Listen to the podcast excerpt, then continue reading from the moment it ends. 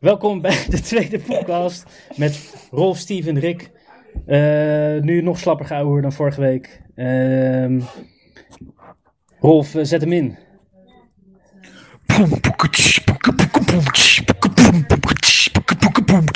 De poepcast. Ja, fuck nice. Nice, nice. Heb je al geklapt? Ja, ik Steven, heb geklapt. Rolf, heb je ook geklapt? Nee, oh, opnemen. Dus maar ik neem het ook niet op. Oh, je neemt het ook niet op? Ben ik eigenlijk wel aan het opnemen? Ja, ja, ik ben wel aan het opnemen. Maar uh, we beginnen met de nieuwe vaste rubriek.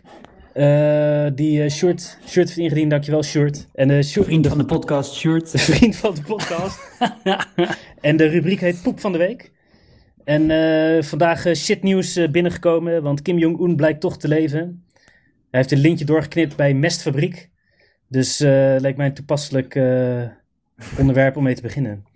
Hadden jullie verwacht dat hij nog leefde? Ja. nee. Maar, nee? Nou, weet, weet ik niet. Tuurlijk wel. Die, die gast is al zo vaak doodverklaard. Ja. Ja. Nee, nu die inderdaad nu die leeft, denk ik, ja, is eigenlijk wel logisch dat hij leeft. Hij is toch onze leeftijdsgenoot? Uh, ja, ik weet niet precies hoe oud hij is. Ik denk niet veel ouder dan wij. Precies dezelfde dag geboren als ik. Ik zat wel laatst, ik zat dan foto's van hem te kijken en foto's van zijn pa. En Kim Jong-un is echt een stuk gezelligere gast dan zijn pa, jongen. Hij, is echt hij heeft wel, ook een uh, betere kledingstijl. Die vader heeft van die rare broeken. Heeft die rare broeken? Die Kim Jong-il, die broeken ja. zo bij zijn navel. Ah. Maar hoe, ja, hoe, hoe, ja. hoe, heeft Kim Jong-un precies een betere stijl? Hij heeft zo'n uh, Vietcong pyjama. Hij heeft, uh, nee, nee, hij heeft een big smile en hij heeft, heeft er echt wel zin in. Gezellig gedikkerd gewoon. bij de, bij de mestfabriek. Of bij gezellig een miljard mensen, of nee, wat is het? 4 miljoen mensen in een concentratiekamp stoppen. Zijn eigen oom door uh, levend aan de honden voeren. maar hij doet het met een lach. Ja, dat ook wel. het, viel me, het viel me gewoon op in de foto's. Het is gewoon, uh, het is gewoon nice. Ja. Hij is geboren op 8 januari 1982, 83 of 84. Dat is niet dus bekend? Is, uh, niet aan Wikipedia. Nee, want de kindjes van hem. Hij heeft kindjes, hè? Maar die hebben we ook nog nooit gezien. Toch? Hij heeft heeft hij kinderen? Ja. Ik weet wel dat hij zo'n minnares heeft die dan, ja. uh, wat is ze, gevechtspiloot is of zo? Hij heeft drie alleged kinderen en ik dacht dat zijn uh, echtgenote een uh, girlband was. Nee, ja, dat was weer zijn minnares of zo. Oh nee, wacht, die gevechtspiloot was de koning van Thailand, nu ik erover nadenk. Ja, ja, ja, die. En dat was ook niet zijn vrouw, maar zijn vriendin. Ja, die is ingewikkeld hoor, uh, die wereldleiders en hun minnaressen. Maar goed, Kim Jong-un leeft nog, helaas. Maar ja, de vraag is of het beter zou zijn als zijn opvolger er nu zou zijn. Ik was een beetje opgelucht zelfs. Want jij dacht, uh, na hem komt een nog ergere dictator? Nee, dan, komt, dan wordt zijn zus toch, uh, als hij ja, weg is. Ja, is een burgeroorlog of zo, weet je wel. Het wordt heus niet beter. En uh, dit is, deze, deze levert leuke foto's op.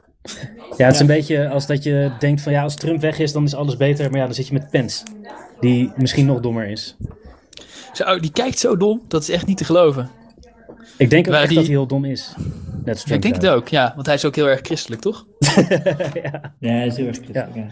Maar weet het, uh, ik zat te kijken naar die... Er was zo'n foto van hem dat hij een ziekenhuis toert. En dan uh, had hij als enige geen mondkapje op en alle andere mensen wel een mondkapje. Ja. Maar hij kijkt ook echt met zo'n zo'n zo'n lege, holle, hersendode blik. Alsof het hem gewoon niet gelukt dat mondkapje op te doen. En toen dacht ik, hé, hey, dit doet me denken aan die foto van dat, dat, dat bij NASA rondgeleid ja. wordt. En dat er zo'n raket of zo staat, waarop staat Critical Space Flight Hardware, do not touch! Met, uh, en dat hij met diezelfde holle, levenloze blik zijn hand er zo oplegt. Maar ik, ja, volgens mij is hij echt gewoon heel dom. Je ziet hem ook nooit praten. Nee, ja, hij was uh, laatst deed hij een persconferentie over de coronacrisis. Uh, Trump mag niet meer. Die, heeft, die is te dom geweest. Maar dan uh, merk je wel dat hij, ja, het is gewoon de gladde aal christelijke politicus die een paar slogans uit zijn hoofd heeft geleerd en eigenlijk verder geen inhoud heeft. Ja, hij staat er ook bij alsof hij een, een karikatuur is of zo, een persiflage van een uh, slechte comedian. Die foto's zijn echt van grappig. Die, uh... Dat hij daar is eentje zonder mondkapje, ja. Ja, ja, ja, ja, ja. Maar ik vroeg me ook af, ja, nou ja, hij zal dus wel heel dom zijn, maar het is vrij duidelijk dat hij daarin een risico neemt. Toch? Uh, ja. Uh, ja volgens, mij, volgens mij denkt hij dat dat het is om zich, om, dat hij niet andere mensen besmet. En hij zegt hij is goed getest en uh, hij heeft geen contact gehad. Dat was zijn onderbouwing volgens mij. Hij zou ook wel geloven dat zijn lot in de handen van God ligt. En dat hij dus, een mondkapje is eigenlijk tegen de wil van God ingaan. Ja, hij zal vast geloven in God. Ook, maar, hij werkt toch ook met vrouwen in een eentje te ontmoeten. Zeg maar, dat is te gevaarlijk. ja, hij is een soort ayatollah. Ja. ja, ja, hij zou nooit uh, een andere vrouw. Uh, wat was het? Hij zou geen avondeten eten met een andere vrouw zonder dat zijn eigen vrouw ja. erbij is. Ja, ja. Maar hij gaat wel zonder mondkapje. maar ik, ik, denk dat. Uh, Naar besmet gebied. ik denk dat Trump en Pence allebei die dingen niet willen, omdat ze niet op de foto willen. Omdat ze bang zijn dat dan. Um, hoe heet het? dat die foto's verspreid worden en dat dat het beeld uitstraalt dat China macht over ze heeft of zo. Dat het zwakte. Dat, dat het als zwak wordt geduid. Nou ja, zij willen natuurlijk gewoon zo snel mogelijk de economie opengooien. Dus als je dan gaat doen alsof er iets aan de hand is, ja, dat komt natuurlijk, dat past niet in de Fox News uh, propagandamachine. Dat moet wel allemaal koek en ei lijken. Ja, daar geven ze een beetje mixed messages over, die Trump. Iedere keer als die wetenschappers hem weer overtuigen om de mensen toch aan te raden een mondkapje op te doen. Ja, maar ze hebben wel nu gewoon, uh, wat was het, 12 staten opengegooid. Tja. Dus nou, uh, ze, gaan, ze gaan er wel voor. Open tot op Nederlands uh, niveau, als het ware. Wij zijn altijd open gebleven. Nou, nee. Van een, van een California Beach, waar ze ook open gaan voor de eerste keer in de maand. En het is fucking druk. En één dude is er niet mee eens en die wordt geïnterviewd en die is uh, verkleed als de Grim Reaper. dus uh, maar het is een hele sympathieke dude. Hij is heel rustig, hij is heel veel bespraakt. En hij zegt zo, ja, nee, dit is echt een ernstige zaak. En dit, volgens mij is het niet een goed idee. En ik wil graag met mensen in discussie en loopt zo rond met, met zijn Grim Reaper. Met ja, maar hij heeft ook echt zo'n heel overtuigend, echt bijna filmniveau pak, toch? Ja, ja, ja het is echt, echt je ziet zijn gezicht niet. En, Zoals uh, de, de Night King uit uh, Lord of the Rings of zo. Ja. Had ik die dingen door elkaar. En hij vindt het een heel slecht idee dat iedereen daarheen gaat, dus hij gaat er ook heen. ja, ja, maar hij heeft een masker voor. Hij is goed. Misschien heeft hij een mondkapje onder zijn, onder zijn hoed, dat zie je niet. Je ziet zijn hele gezicht niet. Toen, toen tijdens de pest in Europa was, uh, weet ik veel, 20, 30 procent of zo van de mensen dood. was heel uh, radicaal. En toen hadden ze helemaal geen geneeskunde. En toen had je de pestdokters. Uh, die hadden ook hele vette mondkapjes. Met, ja, geneeskunde. Ja, dat heb je altijd min of meer. Maar het was niet helemaal zoals nu. Maar de pestdokters, die hadden super vette mondkapjes. Dat was zo'n gigantische pelikanensnavel. Of wat voor snavel is dat? Ja, een toekan. Ja, toekan, ja, zo'n punt, ja. Met uh, kruiden erin of zo, toch? Dat, je, dat ze ook... Ja, er zat een beetje een knoflookprikje in of zo, want dat hielp dan. Tegen de rottende lijkenlucht. Vooral waarschijnlijk. Ja. En het zag er in ieder geval awesome uit.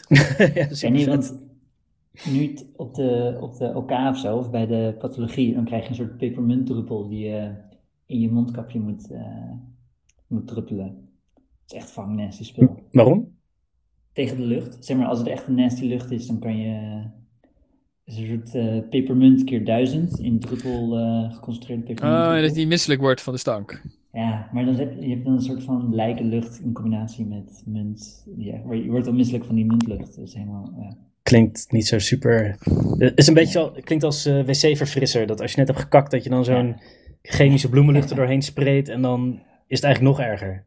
Ja, ja. ja misschien is die lijkenlucht wel wat viezer dan kak. En dit mag je door van tevoren uh, doorheen sprayen. Ja, nee, natuurlijk is viezer dan kak. Maar ik bedoel, van het combineren met iets wat niet stinkt, maakt het niet per se beter. Zo'n soort... Nee.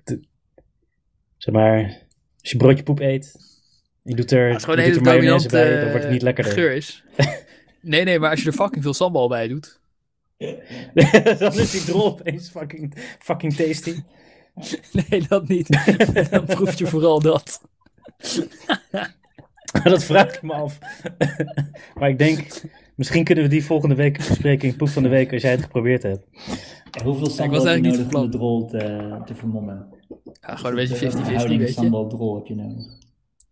50-50. Is dat 2 tot 1? Denk je dat je dan meer redt of moet je echt meer? Ik denk wel dat nee. je ook, ook gewoon echt wel met net niveau pepertjes nodig hebt om het, om het enigszins te laten werken. Nou, als ik moest kiezen tussen een pure drol eten en een drol met uh, één op één sambal, dan zou ik zeker weten dat doen. En als iemand nou zelf heel veel sambal had gegeten, de dag ervoor. Oh ja. Ja, ja is beter dan de drol van iemand die heel, heel veel Kentucky Fried Chicken heeft gegeten. Denk ik, maar, ja, dat maar die kun je gewoon drinken. Sambal, door het vermengen met sambal, dan verdun je het ook. Hè? Of tenminste, je, je maakt de totale hoeveelheid maak je ook groter. Dus je Ja, hebt of een halve liter gewoon pure kak, of een liter minder ranzige kak.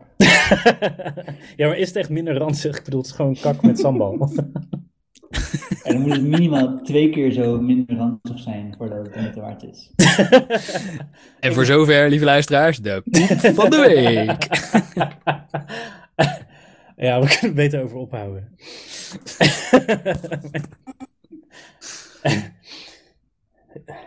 Oké, Ik wat weet- next on de, de lijst? Ja, ehm, de... we kwamen er eigenlijk net bijna op al vanzelf. We hadden het over eh, de economie gaat weer open in, ehm, ehm, in de VS. Maar er zijn natuurlijk wel wat interessante dingen aan de hand daarmee. Dat eh, bedrijven krijgen nu gewoon van de overheid geld, wat ook goed is. Want bedrijf, ja, je wil niet alle bedrijven zomaar instorten. Maar er gebeuren natuurlijk ook wel wat meer bijzondere dingen. Zoals dat Booking.com, wat miljarden winst maakt, opeens bij de staat aanklopt van eh, mogen we ook een paar euro. En zo krijgen, toch? Of kun je het... eh, Volgens mij, ja, ze hebben er ja. in principe recht op volgens de huidige regeling. Ja, en al die hotels die ze toch al aan het uitknijpen waren, die gaan failliet. maar Booking.com cash nog een keer, ook juist nu. Ja. Ja, nou ja, ik vind het wel goed dat je, je hoort wel echt vanuit de, de, de, de samenleving en ook vanuit de politiek wel dat de grens is bereikt wat betreft hoe hard gaan we grote bedrijven spekken. Ja, dat, eh, dat ze zeggen, bedoel je, of qua wat de regering gaat uitvoeren. Ja. nou ja, dat is natuurlijk een tweede, maar in ieder geval vanuit de oppositie en ook wel vanuit het kabinet zelf hoor je geluid van ja, de KLM moet verduurzamen, ze mogen geen bonus aan zichzelf uitkeren. Eh, ja, de hand moet even op de knip. En ook Ja, ik, ja, dus geen bonus klinkt dat, ja, dat en zo'n beetje vaag, vaag praatjes over verduurzamen die niet heel concreet zijn. En ehm, zeg maar, ik vind KLM als ze, als ze staatshulp krijgen, Ja, dat betekent eigenlijk dat ze, dat ze het niet zelf kunnen redden. Dus de risico's die ze hebben ingeschat, hebben ze verkeerd ingeschat. Dat betekent ook dat, eh, dat ze eigenlijk ambtenaren zijn geworden. Dus ze worden betaald door de overheid. Dus dat betekent ook dat de maxloon van de CEO moet ook naar, naar de balken en de norm. nou ja, dat, daar, daar zou ik, ja, ik ben natuurlijk zo marxistisch als het kan, dus dat, ik ben het helemaal mee eens.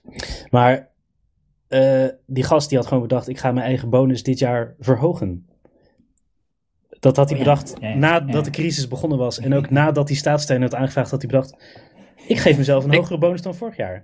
Ik hoorde zelfs, ik weet niet of ik nu fake news aan het verspreiden ben, maar ik dacht dat ik het gewoon in de, op, de, op de mainstream televisie hoorde. Maar in ieder geval dat er eh, was afgesproken dat als hij zeg maar eh, noodhulp zou krijgen, als de noodhulp zo en zo hoog was, als hij, als hij 40 miljard zou krijgen, dat hij dan een extra bonus kreeg.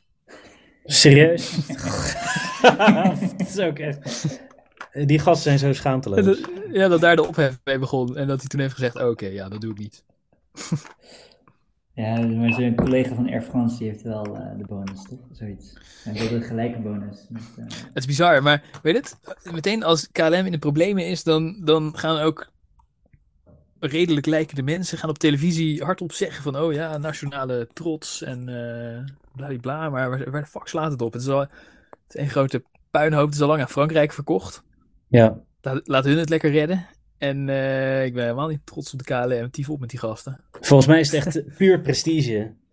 Lekker het boeiend of. Nederland wel of niet zijn eigen vliegtuigmaatschappij heeft, wat we dus toch al niet meer hebben. Wat maakt het nou uit? Laat ze Ja. lekker failliet gaan. Dan komen heus alweer nieuwe vliegtuigen.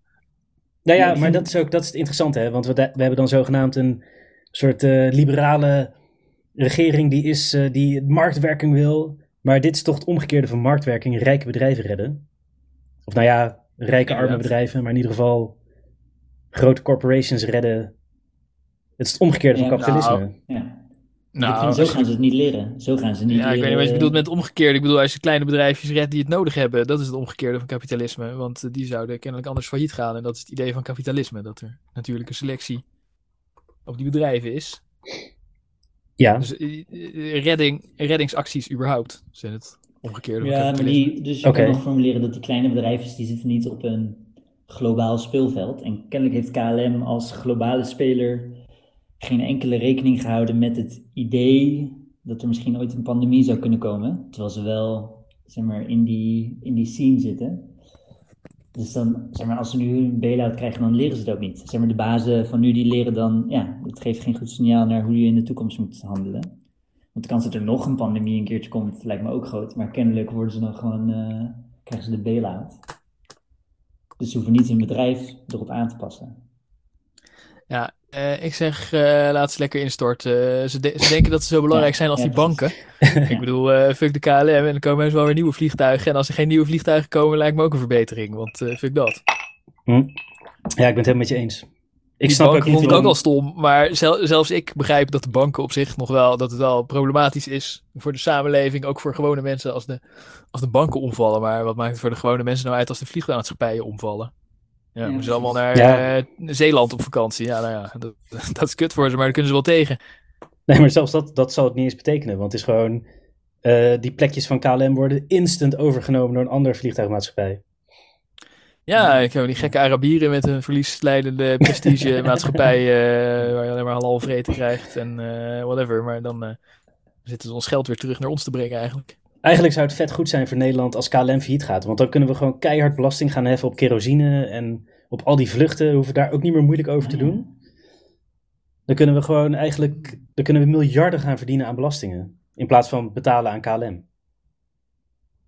Ja, maar ja, misschien. Ja. Voor vliegtuigen is het niet zo'n groot land. Dus dan zeggen ze gewoon van uh, whatever, kom maar met de auto naar, uh, naar Hamburg. Ja, je bedoelt, dan, dan wordt uh, Schiphol geskipt. Ja. Maar, maar ook dat lijkt mij niet erg. Maar ik ben geen econoom hoor. Dus uh, lekker boeiend. het, is ook, het is ook bizar, want deel, deel het, uh, de reden dat we in deze crisis zitten, is ook grotendeels door KLM veroorzaakt. Ja. Dus volgens KLM? Je bedoelt omdat toeristen de hele tijd voor niks uh, naar ja. de andere kant van de wereld vliegen? Ja, precies. En dan zien ze, ze zien dat China ziek wordt, ze zien dat daar iets misgaat. En ze blijven doorgaan met uh, met reizen. Ja. En ook de reden dat we een beetje terughoudend zijn uh, met sancties doen, is ook om onder andere KLM te sparen. Dan stel je voor dat ze wat minder winst zouden maken. Dus volgens mij verhoudt KLM zich tot deze crisis zoals, een beetje zoals Shell zich tot global warming uh, verhoudt. en wat, ik vind het een beetje vergelijkbaar met dat stel dat, stel dat alle boorplatforms onder water komen te staan door global warming, moeten we dan ook Shell gaan financiële injectie om, te helpen. om, om, extra... Ja, waarschijnlijk wel. ja, ja weet, je, weet je hoe het ook ontstaat, denk ik? Ze willen gewoon dan, uh, uh, als ze helemaal niks doen, dan is het heel slecht voor de economie en dan krimpt die uh, 30% of zo, weet ik veel. Dus ze moeten wel die bedrijven redden die ze hebben benadeeld. En ze hebben dat snel in elkaar gezet en het is heel moeilijk om een regeling of een wet te formuleren die zeg maar, de, ja, de KLM heeft hier last van natuurlijk. Dus als je dan een wet maakt dat uh, bedrijven die er last van hebben uh, geld krijgen, dan ja. ja. En KLM heeft allemaal dure advocaten, veel duurder dan die van de regering. Dus het, het, het lukt ze niet om, om het goed te doen, als het ware. Dat Booking.com, dat had natuurlijk niemand gewild in nee. de Nederlandse en Amerikaanse overheden. Maar, nou, Amerikaanse het is allemaal een beetje haastig gepruts. Ja, weet ik veel. Ja, waarschijnlijk heeft hij zelf ook aandelen. Maar uh, het is allemaal een beetje haastig gepruts. En, uh, en die grote bedrijven die kunnen daar makkelijker, handiger op inspringen dan de kleintjes die het echt nodig hebben. Ja. Nou, volgens mij heeft zo'n vliegtuigmaatschappij ook uh, niet, dat, niet dat ik ze wel wil redden. Want ik vind sowieso zonder, zonder pandemie moeten die vliegmaatschappijen ook een keer opzouten. Maar die heeft nu natuurlijk extreem veel kosten met al die vliegtuigen die wel een beetje uh, iedere dag uh, een paar meter verreden moeten worden, ja. zodat de banden niet scheef zakken en dit en dat. En uh, dat draait allemaal door. En die draaide gigantische omzet die helemaal weg is. Dus, ze hebben, ja, ze hebben ook voor De KLM zou natuurlijk wel failliet gaan zonder redding. Dat begrijp ik ook wel. Ja, nou, ja. Ik, weet, ik weet niet. Zeg maar, kennelijk is een buffer niet groot genoeg om drie maanden te overleven zonder inkomsten. Dat is ook best wel een bizar bedrijfsplan als het ware. Maar dat is eigenlijk... Dat is ja, als je omzet groot is, dan kan je niet drie maanden buffer hebben hoor. Want dan gaan al je aandeelhouders zeggen van... Uh, waarom zitten jullie op 200 miljard? Ja, uh, dan ons, want wij zijn de aandeelhouders.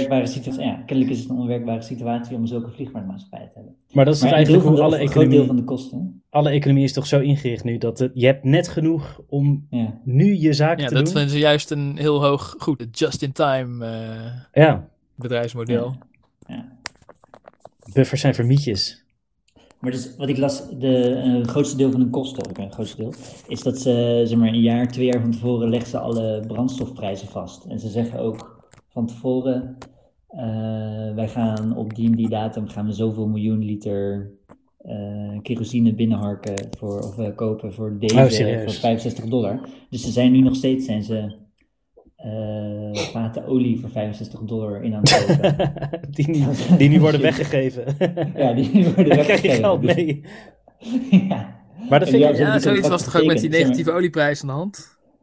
Uh, dat, ze, zeg maar, uh, dat iedereen opties neemt op toekomstige olie. En uh, dat, dat nee, dook dat toen heeft, heel even naar de min 20 dollar. Omdat toen de dag eraan kwam dat, dat, dat, dat die toekomst er was. Maar ze, konden niet, en, maar ze waren eigenlijk alleen maar tussenhandelaren. En ze kregen het niet meer doorverkocht. Ja, niemand wilde het, niemand wilde het echt afnemen. Nee, het, nee. het, was omdat het, het, uh, het kartel had besloten minder te produceren. Uh, of minder de wereld in te helpen. Uh, en olie is gek genoeg, kan je het niet, als je het eenmaal uit de grond hebt gehaald, dan moet je er iets mee. Dus je kan het niet zomaar uh, oneindig bewaren. dus er is zeg maar geen kosten aan het gewoon in de grond laten, maar als je het eruit hebt gehaald, dan moet je er ineens wat mee. Dus er was een soort van overgangsperiode dat maar er... je kan toch wel oneindig bewaren? Alleen dat moet dan in een... Uh, Wat zeg je? In een, je kan toch wel oneindig bewaren? Alleen dat moet dan in een, in een gebouw, zeg maar. Ja, het moet is makkelijk om Het gaat niet bederven of zo als je er boven haalt. Je kan het gewoon in zee Ja, niet uh, bederven, maar het gaat, je moet er... Je, je, je kan het niet oneindig bewaren in, als je het niet verwerkt. Dus het is ruwe olie. Ja, uh, ja. Ja. Nee, het is, niet, het is niet dat het dat je dan gewoon ergens neerzet en dan is het klaar. Je Amerika heeft toch eens speciale opslag van ruwe olie, dus de strategic reserve. Ja, maar die is vol. Ja, die Ja, is dat vol. begrijp ik, maar die ik bedoel- vol. Ja, die is vol en daarom kunnen ze niet meer meer bij doen. Maar het is toch niet zo dat dat bederft? Eh, volgens mij wel. Volgens mij, ja, ik weet, ik weet ook niet de ins en outs van. Nou ja, het is het niet gewoon dat ze dan... Je kan niet zomaar de productie stoppen. Ja, precies. Dus die productie gaat door, die is niet zo eh, te fine-tunen, niet ineens op de handrem. Die, die pomp gaat aan en die pompt. Ja. Volgens mij kun je hem niet zomaar dichtgooien. Nee, het komt onder druk uit. Ik kan hem maar een beetje afknijpen. Zeg maar, de, het probleem is dat, ze geen, dat, het, dat het eruit kwam en ze hadden nergens om het eh, op te vangen. Maar ik, ik vind het ook wel grappig. Die, die olie, zeg maar, olie heeft het echt zwaar nu. En dat komt ook omdat er hele goede groene alternatieven zijn. En die doen het nu nog veel beter. Het zou best wel eens zo kunnen zijn dat dit een soort. Dat dit een. Ik hoop in ieder geval, het zal wel niet, dat het een klap wordt voor de olieindustrie. Dat ze zichzelf er niet uit kunnen subsidiëren. Wat ze eigenlijk tot nu toe de hele tijd aan het doen zijn nog Mhm. steeds. Mhm. Want groene energie is al goedkoper dan olie. Alleen de olieindustrie wordt zo geholpen op, van, op allerlei manieren. Dat ze zichzelf nog in stand en relevant weten te houden. Tenminste, niet relevant, maar wel in stand. Mhm. Maar ja, dat is misschien eh, iets te complottheorieën. Nee, ja, natuurlijk willen ze zichzelf in stand houden. Dat is geen complot. Maar helaas lukt het ze. Nou. Had jij nog eh, mooie Illuminati-dingen deze week, Steve? Eh, nou ja, ja, ik heb, mm, ja, ik heb, ik heb altijd wel genoeg Illuminati-dingen te, te Of- vertellen. Of had je er eentje over Kim Jong-un, maar blijkt hij toch te leven? Eh, nee, nee, nee, Kim Jong-un. Dat is, niet, dat is niet het soort conspiracy waar ik in geïnteresseerd ben. Die, eh, Ja, Van Dissel is Stevens Kim Jong-un. ja, precies, precies. RIVM en eh, ja, Van Dissel, Anvossen, Marion Koopmans. Eh, Nou, ze hadden toch vandaag of gisteren gezegd, ja, we weten het echt niet. Ja, ik, of ik van dat berichtje van ze, ja, ik, ik, ik erger me helemaal dood aan die gasten. Eh, ik, tenminste, ik ga er maar vanuit dat datgene wat ze, datgene wat ze doen, dat dat ook eigenlijk het maximale is wat ze kunnen doen. En dat ze daar daarbij dan allemaal redenen verzinnen van waarom het goed is om het zo te, zo te doen. dus dat het eigenlijk niet, een, het is niet een conspiracy, niet een complot, maar het is gewoon, dit is wat het is. En we hebben wat poppetjes daar staan die gewoon een beetje omschrijven wat het is. Niet dat ze er eigenlijk invloed op hebben. Uh, maar wat ze vandaag zeiden over. Dus ze werden geconfronteerd met die, met die Duitse viroloog. Die zei van. Ja, volgens mij. Volgens mij zijn kinderen wel besmettelijk. En volgens mij is er helemaal geen, uh, geen goede data over. En uh, daar, dat, de NOS stelde heel kritisch. Wat me verbaasde, stelde die vraag aan ze. En het antwoord was: Ja, ik weet niet waar die Duitser het over heeft. Maar wij zijn gewoon met ons eigen ding bezig. En ik snap het niet. Ja. Dat, dat was wat ze zeiden. Dat is een antwoord op. Ja, ja. Het, uh, ja. Maar ik heb, ik heb wat. Uh, wacht, ik heb de computer opgestart. Ik je hebt citaten in, van, ja, van Van Dissel. In, in navolging van, van vorige week. Wacht even. Spannend, spannend. Ja, dus we gaan even opstarten. Ik edit dit wel even tot iets uh, strakkers. nee joh. Zullen ondertussen even een ander onderwerp behandelen? nee, okay. Je winnaars 95 uh, moet nog... Uh... Ik, ga, ik ga nu via de, via de computerspeakers ga ik het naar mijn telefoon uh, sturen. Oké. En dan in de edit plak ik het wel mooi. Oké. Maar dus, dus in navolging van wat vorige week toen we het hadden over hoe Van Dissel carnaval ziet en uh, dat is altijd een kleine groep. Ik heb die citaten even opgezocht. om, uh, om even wat geluidsfragmenten van hoe... te zetten. Ja, om, nou, om een klein kijkje in de geest van, van Dissel. Oké. Okay. Wacht even, we moeten even kijken of die hard genoeg staat. Even kijken. Het is een groot evenement, hè, maar het virus verspreidt zich door grote druppeltjes betekent dat het risico eigenlijk beperkt is tot een straal van ongeveer anderhalf, twee meter. En dan als je carnaval viert met een bekende groep, dan is dat dus de bekende groep hè, die als contact onderzoek naar voren komt en die moet worden gecontroleerd. Dus stel je hebt carnaval gevierd, maar bent in een andere kroeg geweest, dan is er in principe niks om je zorgen over te maken. Nee, dan is er niks om je zorgen over te maken, want je moet uh, binnen nauw contact, in nauw contact zijn gekomen met, uh, met deze persoon. Jezus. ik vind, ik vind het, het is echt, Het doet gewoon pijn in je oren, zo dom als het maar het klonk toen al dom. Nu ik het weer hoor, denk ik van ja, toen dacht ik ook al, wat lult die gast. En ik heb er, ik, nog ik heb er nog eentje. zaten te maken over carnaval en uh, corona destijds. Ik heb, nog, ik heb nog een quoteje, nog van Disselzelfde interview. Dus dit is ergens rondom carnaval heeft hij dit uh, gezegd. Deze is een beetje slechtere kwaliteit. Mag ik nog één ding zeggen over Van Dissel? Dat, dat ik het heel irritant vind dat hij voor alles verkleinwoordjes gebruikt. Uh, ja, gewoon druppeltjes in een kroegje, bij elkaar oh. zitjes in je groepje. En dan in je groepje blijft dan. Ja, hij is zelf heel lang, hè? Dus dan is dat gewoon je, je wereldbeeld. Ja. is die heel lang? Ik dacht dat hij klein en dik was. ja, dat denk je omdat hij een baard heeft. maar dat is niet per se altijd zo. Oké, hier komt. Okay, is een beetje slechtere, slechtere kwaliteit. Ik ben er klaar voor. Uh, ook met zo'n dergelijk feest toch op de beste wijze alle contacten kan terugvinden. En carnaval vier meestal toch in een vrij kleine groep. Carnaval vier je in een kleine groep. ik wou over dat vorige citaat al zeggen.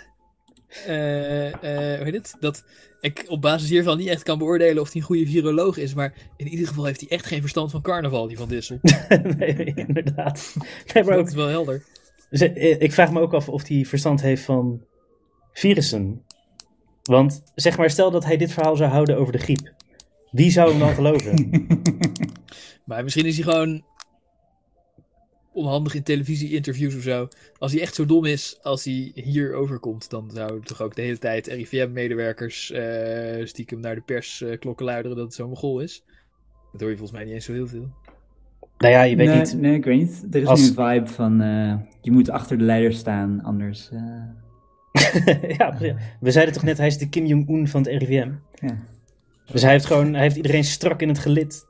En uh, er wordt gewoon niet over de baas gezeken. Ja. Nee, precies, want daar word je gewoon uitgezet. Dus die Alex Friedrich, die vind ik een held.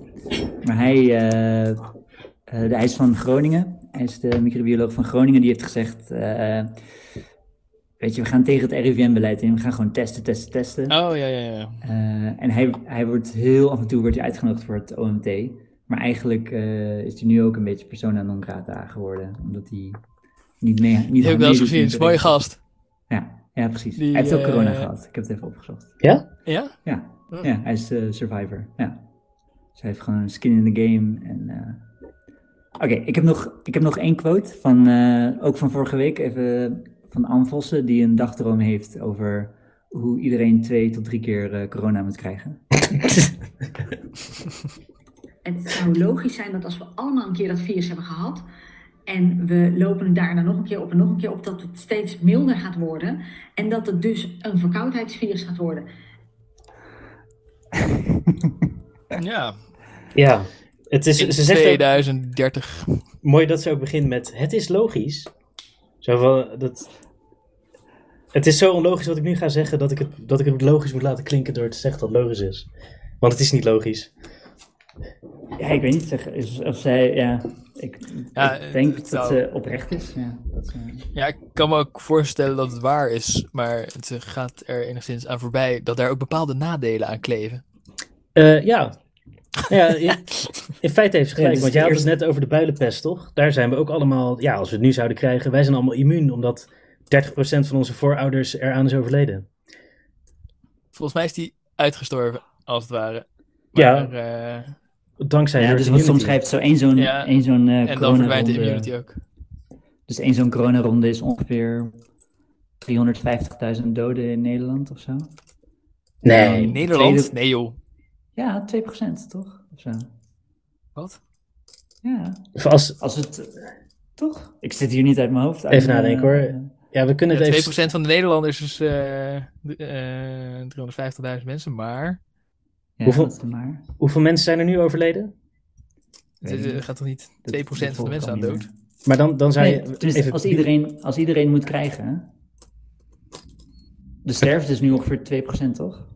Ja, bierveeltje-berekening. Er zijn, we hadden iets van 3% immuniteit een paar weken geleden in Nederland. Ja. Stel dat we nu voor 5 zouden gaan, er zijn 5000 doden. Dan zou het betekenen dat iedereen het gehad heeft en dan heb je 100.000 doden. Maar Eh. nee, dit is allemaal onzin, want eh weet het? Eh, Daar ik even over nadenken. Dat was een goede bierveeltje-berekening, toch? Ik zie het, ja, als ik het bierveldje niet ja, zie, leuk. dan kan Behal- ik het behalve niet... die eh, 3% van de mensen die het al gehad heeft. Dat is denk ik, eh, dat is waarschijnlijk meer. Nou, dit, dit, dit was, kwam uit het onderzoek van de bloedbank. Die hadden in 3% van de mensen antilichamen gevonden. Ja, in 3% van hun bloeddonoren.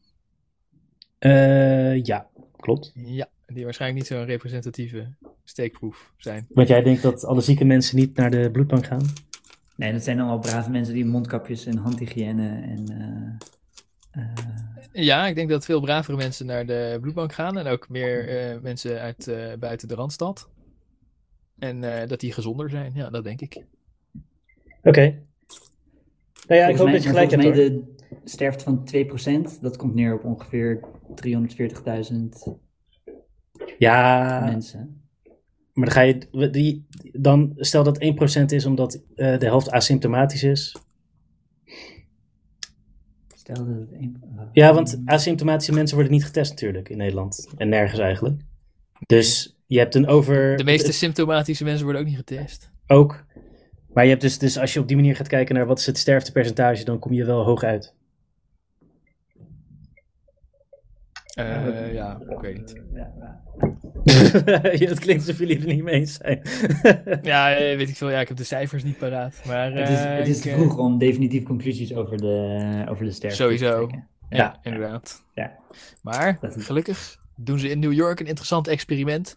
Daar weten we straks Precies. wat er nou eigenlijk gebeurt als je echt gewoon alle, hoeveel mensen wonen in New York, weet ik veel, 10 miljoen mensen, Ja. gewoon allemaal het virus geeft. Ja. Straks weten we hoeveel New Yorkers er nog over zijn. ja, die gaan gewoon voor de die gaan echt voor herd immunity. Gewoon Ja. old school. Die gaan het Ja. uitzoeken of het kan of niet. Ja, ja. Ja. En ik denk dat Trump en eh, Pence en de zijnen hebben gewoon gedacht, nou weet je, eh, zoveel doden is eigenlijk best te hanteren. Ik denk dat wat die, wat die hoe ook Vossen zegt, Ja. Ik denk dat wat die Anne Vossen zegt, dat als het 1340 was en we hadden geen eh, tests of eh, beademingsmachines of niks, dan Ja. zou het inderdaad zo zijn dat eh, iedereen het gewoon twee keer kreeg en daarna Mm, hebben ze er nee, niet zoveel last meer van, degene die dat overleven. En eh, Mm. krijgt iedereen het als klein kind en die hebben er sowieso niet zoveel last van.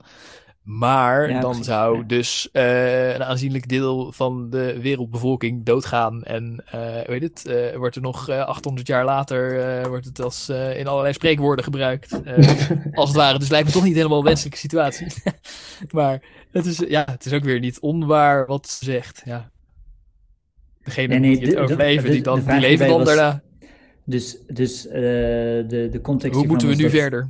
Dat Eva Jinek vraagt van eh, hoe gaat het verder? En dat, eh, dat Anne Vossen zegt, nou volgens mij gaat de situatie weer normaal worden. Want, en dan begint ze met haar quote. Ja, nee, dit lijkt me niet helemaal de wenselijke route. Dus zij, ja, zeg maar, zij, nou, zij is van plan iedereen te besmetten of zo. Ik weet niet. Ja, dat is het plan volgens mij. Volgens jou wel, ja. Eh, nou ja, ik moet zeggen, ik, ik vond Steven ook heel erg paranoïde klinken vorige week.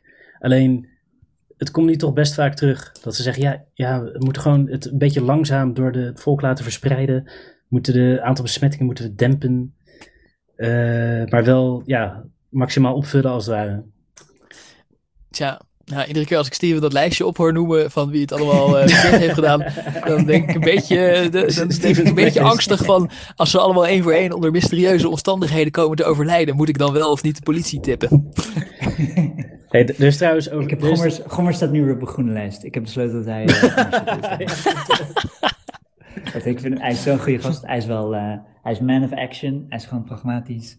En eh, Nee, maar hij had Dus het ook niet zo bedoeld. Hij had niet bedoeld van we moeten herd immunity. Hij heeft dat gewoon gezegd van ja, als jullie dat willen, Ja. dan moeten we ook 500 IC-bedden erbij. nee, precies. Hij heeft dat gezegd omdat al die andere Mongolen dat zeggen. En dan denkt hij, oké, oké, dan moeten Dit wij er ook rekening mee houden. Nee, dat, eh, dat ze daarvoor gaan. Dus dan, oké, oké.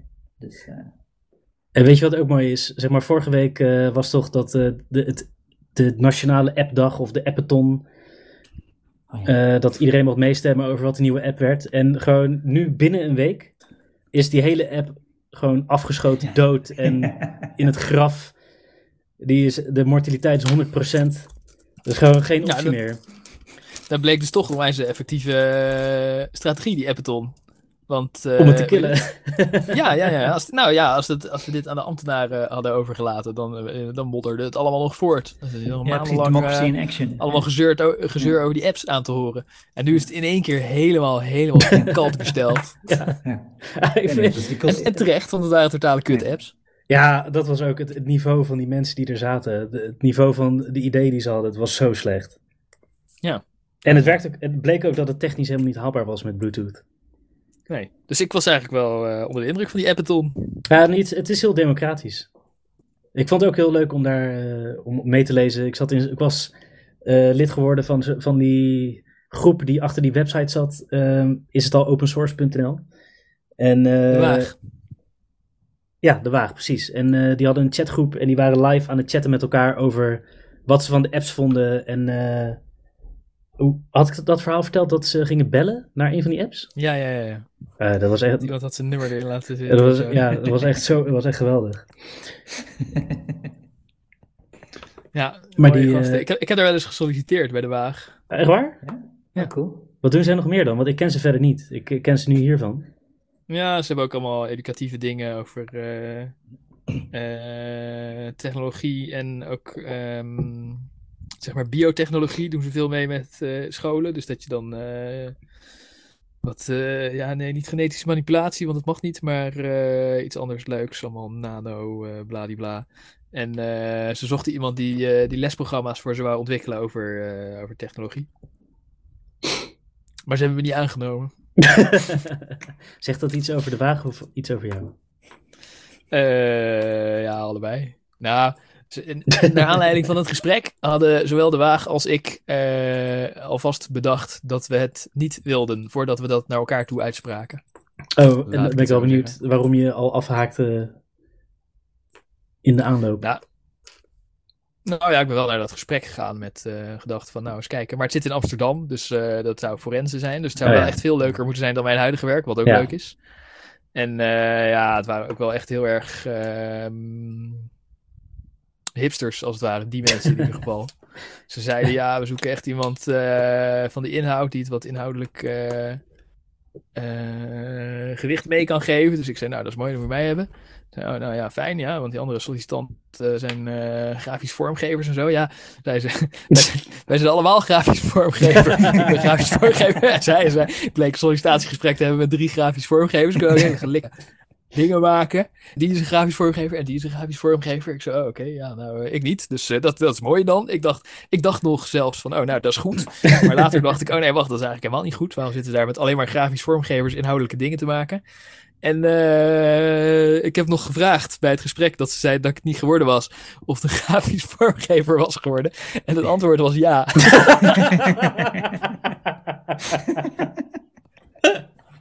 Sorry als er iemand luistert van de wagen. Ik vind jullie geweldig, maar uh, dat, dat, was een beetje gek. Ja, maar Rolf, hoe moet je, je moet toch een infographic hebben over je verhaal? Ja, maar ja, ja, ik dacht, die hebben ze dus al genoeg. En nu zoeken ze iemand die ook andere dingen... Die de, die de info kan verschaffen in plaats van de graphic. Uh, ja, precies. maar ja, nee, maar de, de, info, de info is, is secundair. Het gaat om de boodschap.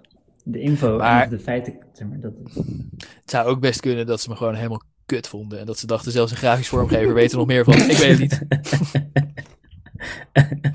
uh, zou kunnen.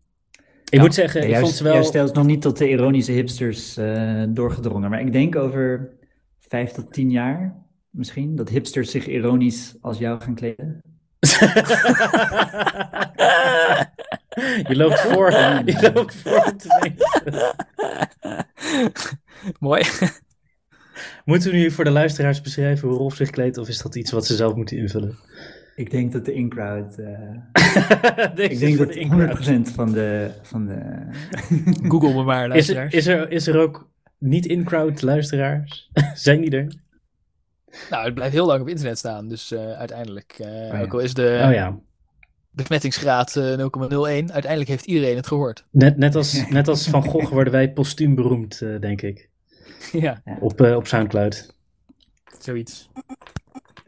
Mooi. Alright, maar um, we hebben nog ehm, vijf minuutjes voordat, uh, voordat oh, de grote, voor, de, voor de poepquiz begint. Voordat ja. de poepquiz begint. Oh ja, je had uh, reviews, Steven. Jij wilde reviews bespreken. Oh, wacht. Hoe slecht ja, is de poepcast? Dan uh, schuiven we die uh, Facebook shit wel door naar volgende voor week. Het, voor het audience participation moment. Ja. Ja, ja, precies. Dat is belangrijk. Wacht, ik start de computer weer op. Oh. Gast. Nou ja, Rolf, dan kunnen wij heel snel de, de, de Facebook Google spionage API afzeiken. Nee, daar is het veel te interessant voor. We doen hem als eerste volgende week. En dat is goed, ja. Nou jongens, uh, hoe noem je dat? Een teaser voor volgende week gaan we gaan Rolf, uh, Rolf Rick, Steven gaan zwaar op de inhoud zitten van Facebook Big Google API tech. waarom die kut is. Big Tech Evil. Yes. Monopolist, motherfuckers, cunts. Nou, ik ben er misschien wel voor, denk ik. Ik weet niet. Uh, dat is wel... Dat is echt nou, zo... dat, wordt, dat wordt vuurwerk volgende week. Dit is, zo wordt het echt zo Temptation Island uh, introductie. Dat je al zo een halve piemel ziet uh, in de volgende aflevering. Ja? Gaan ze wel of niet neuken? Nice. Hebben jullie dat... Uh, ik zag alleen de trailer ervan. Too Hot to Handle of zo? Nee, oh, op Netflix. Het schijnt de next, next uh, big thing. Ik heb er goede verhalen over gehoord. Ik, uh, ik kon het niet kijken. Ik heb, echt, ik heb het wel geprobeerd even, maar... Ik heb het niet geprobeerd. Ik heb alleen ik heb de trailer geprobeerd te kijken. En toen uh, dacht ik... Ja. Het is een soort Temptation Island. Maar dan gewoon dat, het de, dat ze er niet eens omheen draaien. Dat ze zeggen, ja, je, krijgt, je mag geen seks met elkaar hebben. En dan kun je winnen als je geen seks hebt. En dan zijn ze natuurlijk allemaal geil en dronken. En dan gaan ze wel seks hebben. Ja, ik gaan ze ook plaatje... manipuleren en dan gaan ze toch, uh, gaan ze het wel of niet in de groep zeggen en gaan ze... Ja, want je hebt ook mensen die dan weer niet meedoen aan de regel, die het juist moeten verzieken voor de rest, want dan winnen zij juist. Dus het zijn gewoon allemaal prostituees eigenlijk die elkaar verleiden. Tuurlijk. Dat zijn er toch ook? Als ze dan aan het begin worden voorgesteld, dan zijn ze ook. Uh, uh, dan staat erbij wat hun werk is. Ja, ja. En dan animator of zo. God, animator, ja, inderdaad, dat is het. Maar dat zijn, dat zijn hoeren, die animators. Ja, dat denk ik ook altijd. Ik bedoel, pardon, prostituees. Oh ja. een animator is toch een propper? Is toch een. Uh, uh... Ja, volgens mij, die... volgens mij, animeren ze voor 50 euro. ja, precies. Ja? Ik denk ook dat een eufemisme is voor aan je piemel zitten. Oké. Okay. Ik zag zo'n plaatje van iemand, eh, een soort eh, zo, zo'n zo'n eh, moslim, eh, een orthodoxe moslim met een, eh hoe heet zo'n jurk, zo'n zo'n witte jurk met zo'n bruin jasje eroverheen. En zo'n baard en zo'n hoedje en zo. Een, een En die staat dan, ja, eh, dat. En die staat dan, eh, dit, de- deze anekdote moet je er ook maar uitknippen in de, in de regie, eh, Steven. Maar die staat op een kinderboerderij bij de geiten.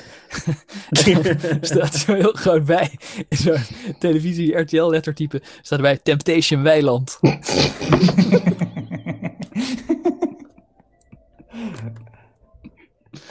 Nou goed, die mag uit. Maar is je computer al opgestart Ja, met je. Oké, lieve kijkwijze ik heb de reviews.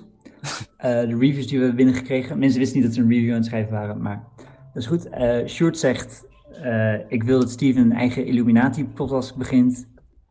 Ik mis nog de sound effects en rubrieken. Solo-album. Hij Ja, ik, zou- je dat, een soort Alex Jones gewoon ranten? Ik weet Ah, niet of dat werkt. Ik denk, Nee. Het is toch veel leuker als wij af en toe zeggen, oh ja joh, ja precies, ja. Wij, ja. wij zijn je Christian site. zegt, Christian, review van Christian, wat is dit? De Rick Rogan fake news podcast. Was best leuk voor jullie niveau. Maar eh, Sjoerd zei nog iets hè? Je, ma- eh, je Eh. hoeft me niet te sparen hoor. Wat zei? Hij zei, je moet het geluid een beetje equalizen en Rolf er helemaal uitknippen. Dat heeft hij geschreven. Ja, dat is waar, ja. Maar ik denk dat hij zich gewoon heel erg stoorde aan jouw... ehm, Aan de beatbox intro. Nee, jij was, jij was Factorio aan het spelen tijdens de, de opname. Oh, nee, ja, eh, maar ik heb het hem live gevraagd, want ik heb gewoon illegaal met hem gebarbecued. En eh, Ah, toen zei hij, eh, lekker man.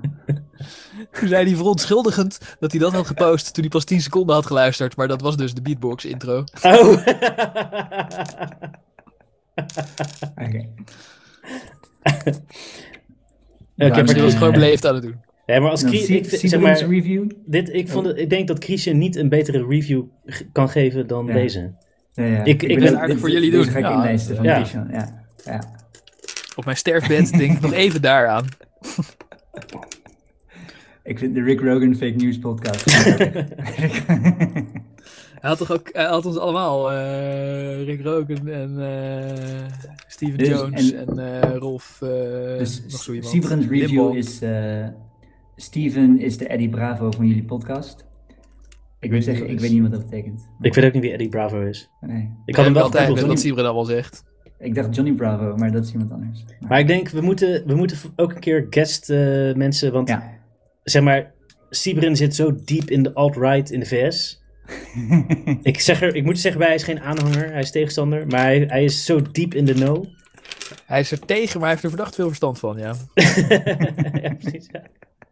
Ik wil hem nergens van beschuldigen, maar ik denk, het wordt een interessante Illuminati-rubriek met Steven, met Sibrin erbij. Ik denk dat we te veel met elkaar eens zijn of zo. Ik weet niet. soort, We ja. gaan het alleen maar over stochastisch terrorisme hebben. Dat, eh, Ja, dat is de terrorisme. Mooi was dat. Ja, ja. Dat, eh, ja, daar had je bij moeten zijn. Dat gaan we niet eens proberen uit te leggen. Eh, ja, we hebben nog maar één minuut. En dan moeten we over naar de poepquiz. Oh ja, ja, ik ga zo even mijn quizma-. Quizmaster outfit aandoen. Oh, nice, nice. Verder, Heeft iemand verder, die verder in de? Oh, sorry. in de Ja, via via de reviews die zijn binnengekomen. Eh? Sabrina schijnt te hebben gezegd, heel gezellig, alsof ze lekker bier zat te drinken met ons. Oh ja, ja. Dat heeft ze tegen Ja. mij gezegd namelijk. Ja, precies. Ja, ik heb En net het bezoek hier. Sabrina, Sjoerd, iedereen. En Rick's familie vindt de podcast ook heel grappig. Ja, klopt. Mijn broer zei, ja, ik zit stiekem toch te gniffelen. Dat, dat, vond ik, dat is zeg maar een beetje zoals Christian die zegt, voor jullie niveau best aardig. Ja. Maar oké, Nou, dat, mooi. eh, En mijn zus die had mezelf nog gebeld, want die, had het, die vond het euthanasie onderwerp heel interessant. Oh ja? Oh. huh. Hm, nou, hou je oma een beetje in de gaten, Rick. Eh, eh, mi- misschien moeten we nog die autopsie toch laten doen. eh. Oké jongens, ik vond het vet. Nou. Ik ben trots op deze reviews. Ik hoop volgende week weer. Ja, zeker weten. Ja, Tijd, tijd voor de En, poepquiz. Ja, we gaan naar uh. Jitsi. Dag Oh lieve ja. luisteraars. Steven, wat moet jij zeggen? Like en subscribe. Nee, eh, leave, leave a review in de iTunes eh, store. It really helps us out if you leave a good review.